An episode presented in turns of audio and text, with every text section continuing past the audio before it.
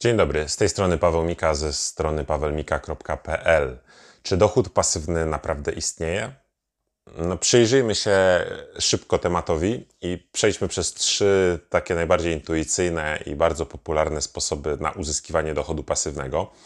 Pierwszy lokaty bankowe, rachunki oszczędnościowe, e, generalnie e, tak zwane instrumenty rynku pieniężnego, te najprostsze. No, z tym jest dzisiaj e, bardzo średnio. W zasadzie wszyscy zapomnieliśmy już, że coś takiego jak lokata bankowa e, istnieje. Nieco większą świadomość mamy, jeśli chodzi o rachunki oszczędnościowe, natomiast one w zasadzie też nie wypłacają e, odsetek, używamy ich po prostu ze względu na wygodę. No ale jeszcze tak 8-9 lat temu, no w latach 2010-11, Mm, powszechne na rynku były lokaty oprocentowane na 5%. Można też było przy odrobinie pracy, no właśnie, pracy, znaleźć oferty 6%, 7% czy nawet 8% lokat. Oczywiście najczęściej były to pro promocyjne jakieś tam oferty, bardzo ograniczone czasowo i kwotowo.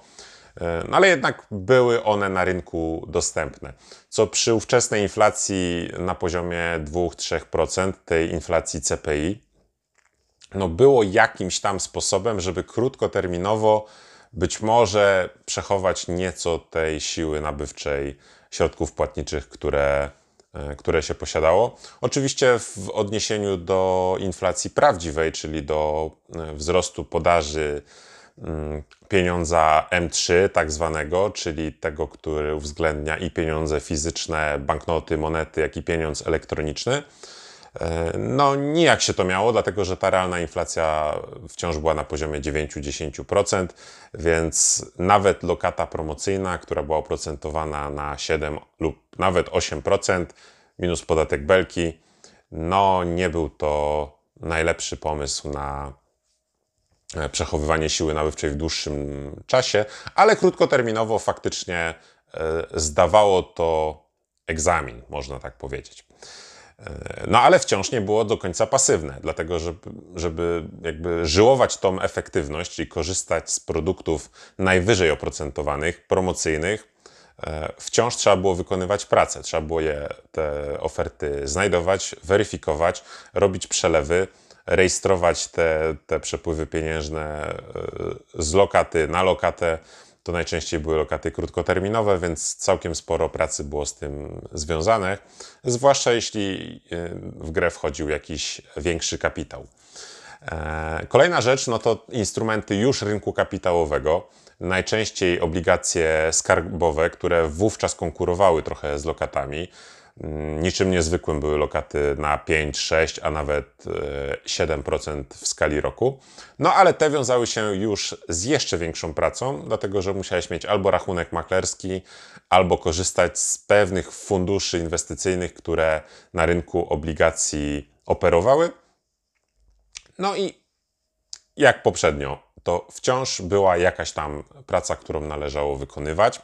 E, jeszcze gorzej sprawa wyglądała na typowym rynku kapitałowym. Jeśli chciałeś kupić akcje, szczególnie takie, które wypłacają regularnie dywidendę, no bo to jest idea dochodu pasywnego. Nie mówimy teraz o wzroście wartości, czyli o spółkach growth, tylko o takich, które prowadzą stabilny, mm, stosunkowo stabilny biznes i zapewniają jakąś tam coroczną część swojego zysku na wypłatę dywidendy swoim akcjonariuszom, no to tu e, dochodziły kolejne czynności, dlatego że musiałeś wybrać i posiadać rachunek maklerski, musiałeś wybrać walory, które chcesz kupić, później dokonać zakupu, czyli zrobić pracę koncepcyjną, analityczną i później zwykłą techniczną, polegającą na e, przeprowadzeniu transakcji. Raz w roku dostajesz od biura maklerskiego deklarację tam PIT-8C e, z wyszczególnionymi Twoimi przychodami, kosztami ich uzyskania, dochodem. To wszystko musisz wpisać do swojej deklaracji, e, wyliczyć podatek, zapłacić podatek belki no i dobrze byłoby też e, prowadzić jakąś analizę tych Twoich inwestycji pasywnych, no tak, żeby wiedzieć, czy poruszasz się w dobrym kierunku, czy to jest zadowalający zarobek, e, czy nie. Więc wciąż mnóstwo pracy. Ale to jeszcze nic w stosunku do rynku najmu, który również uchodzi za instrument pasywnego zarabiania. No to jak to wygląda naprawdę? Otóż jeśli nie masz na co dzień do czynienia z nieruchomościami, nie jesteś doświadczony na rynku najmu, no to czeka Cię długa edukacja i mm, jeszcze dłuższe zdobywanie doświadczenia metodą prób i błędów.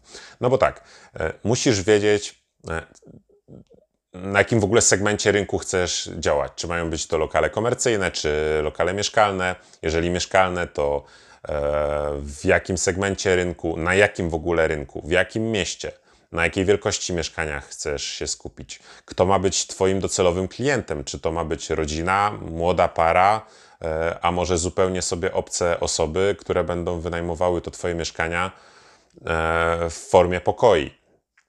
E, musisz zdecydować o tym, które, którą konkretnie nieruchomość wybrać, w jakim ona ma być stanie, jaki standard ostatecznie chcesz uzyskać. Później musisz go uzyskać, czyli przeprowadzić tam remont, wykończyć to mieszkanie, wyposażyć je e, zrobić selekcję najemców, e, podpisać z nimi odpowiednie umowy, które zabezpieczą Twój interes, e, odpowiednio tymi umowami zarządzać, e, wybrać formę opodatkowania najmu, rozliczać e, przychody, koszty, dochody, płacić podatki, czy to w formie ryczałtu, czy też e, w innej formie, o którym wspominałem w innym, w innym filmie. E, no więc jak widzisz, cała masa operacji, które trzeba przeprowadzić, żeby skutecznie się tym najmem posługiwać i, i żeby na nim po prostu zarabiać. Najem mieszkań może być oczywiście skutecznym fundamentem, takim solidnym fundamentem finansów osobistych, może być też całkiem dochodowym, stabilnym, dobrze skalowalnym i dobrze finansującym się biznesem prowadzonym czy to w formie działalności gospodarczej, czy, czy nawet spółki kapitałowej. No i wszystko to i jeszcze więcej można o najmie E, powiedzieć dobrego i złego. Natomiast e, jedno jest pewne, nie można o nim powiedzieć jednej rzeczy, że jest to dochód pasywny. Cześć.